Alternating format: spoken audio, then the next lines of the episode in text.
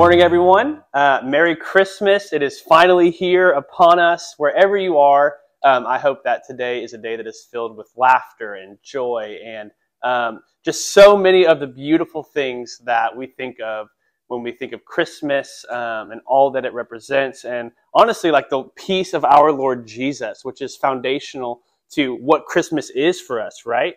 Um, I'm sure that many of you have probably spent a portion of the holiday season together uh, watching movies. Like I know I've heard of people in our church family who they have like a Christmas Advent calendar for movie watching. Um, there's lots of debates about Christmas movies and what the best one is. You have your like die-hard elf people.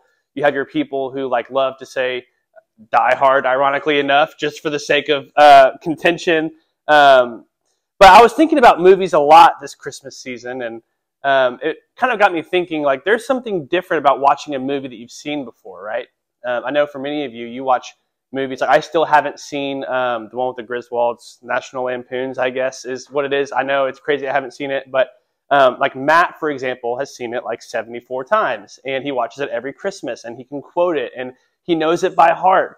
And there is something very different about watching a movie that you've seen before. Sure, you can appreciate the highs and the lows, and you look forward to the moments that you know are coming, but a lot of the raw emotion that comes with each of like the reveals that happen in the movie, they are kind of different when you know it's happening, right?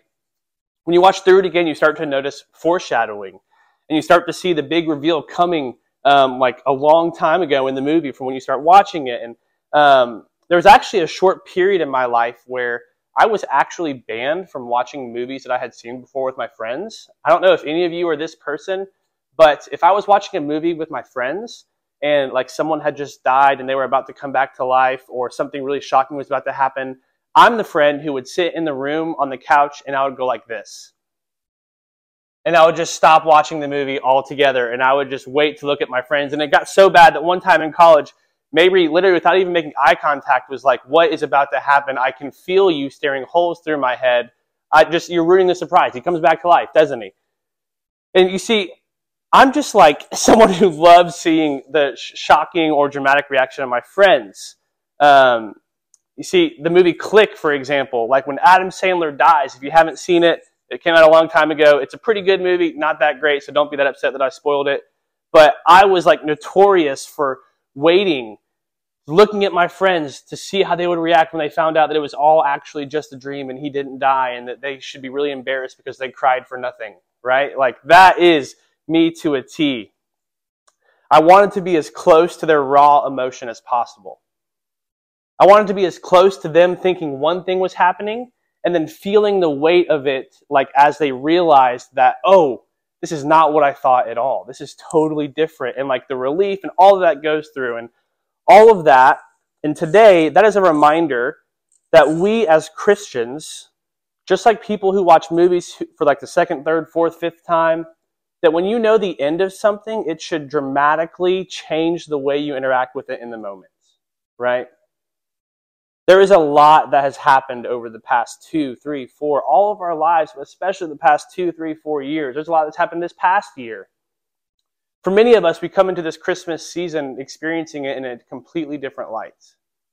We have emotions we've never felt before. We have things we're confronted with that we weren't aware of previously. There's just a lot that goes into like the grand scheme of life. But as Christians, there's something foundational about our faith that teaches us that no matter what happens in the moments, that we know ultimately where God is bringing all things and the knowledge and belief and trust of the end of all things and what that looks like, that should actually change how we live in the moments. Like that impacts us, right? When I watch Click for the fourth or fifth time and Adam Sandler dies, I'm not like weeping because I'm actually feeling this sorrow of like him dying because I know he's not dead. Listen to this from Isaiah 9. This is prophetic literature about the things that are to come because of God it says this it says, The people walking in darkness have seen a great light. On those living in the land of deep darkness, a light has dawned. You have enlarged the nation and increased their joy.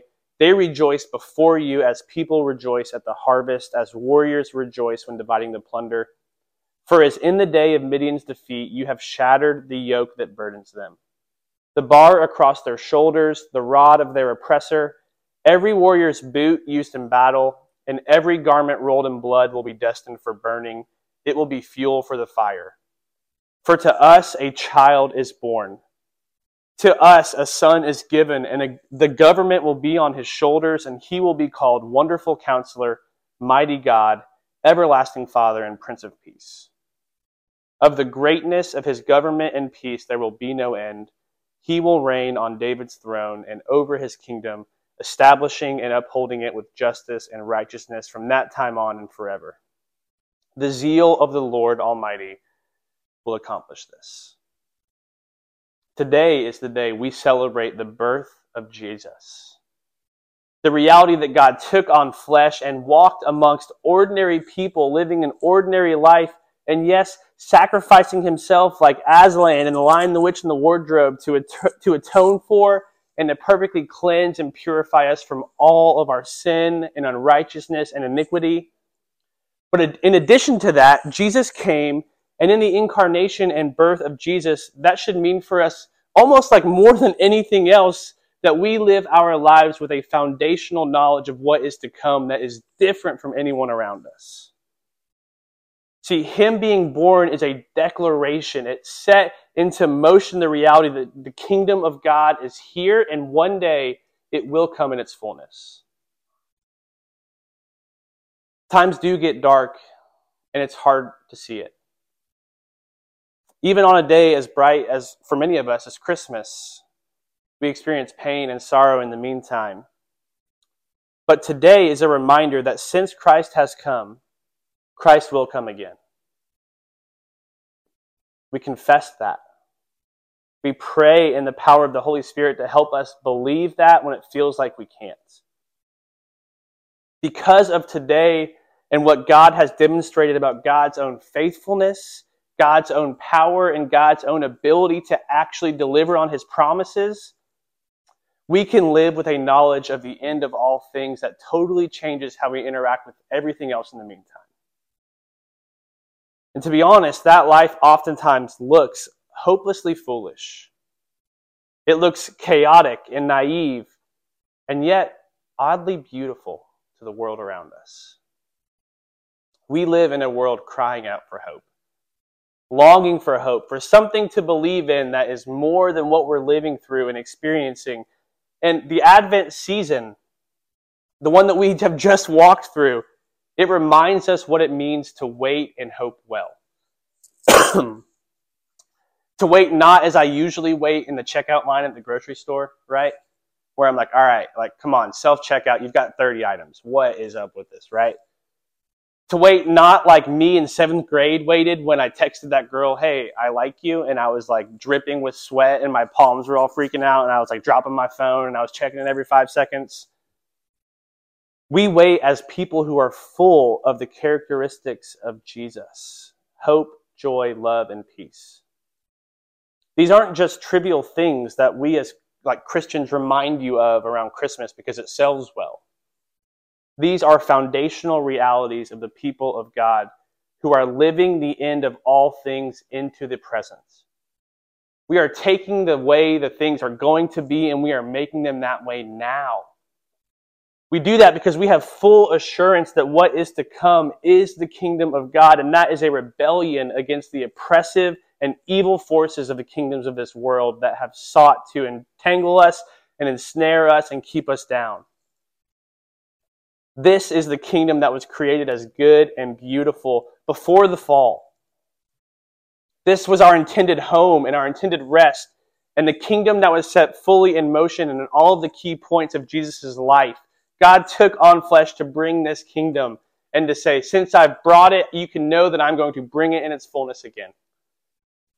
and so, as we close our time together this morning, let the promise of the end of all things from Jesus bring you comfort, for he is the Prince of Peace. He is the everlasting God, the good Father. Listen again from Isaiah 9 as we close. For to us a child is born, to us a son is given, and the government will be on his shoulders. and he will be called Wonderful Counselor, Mighty God, Everlasting Father, Prince of Peace. Of the greatness of his government and peace there will be no end. He will reign on David's throne and over his kingdom, establishing it and upholding it with justice and righteousness from that time on and forever. The zeal of the Lord Almighty, in other words, the passion of the Lord Almighty, will accomplish this. So, as we close this morning on Christmas, I pray that you find hope in the fact that God's passion for his good and pleasing kingdom, his passion for you to live in it, that that will bring you hope and peace this Christmas. So Merry Christmas, City Collective. We can't wait to be with you again. Thank you.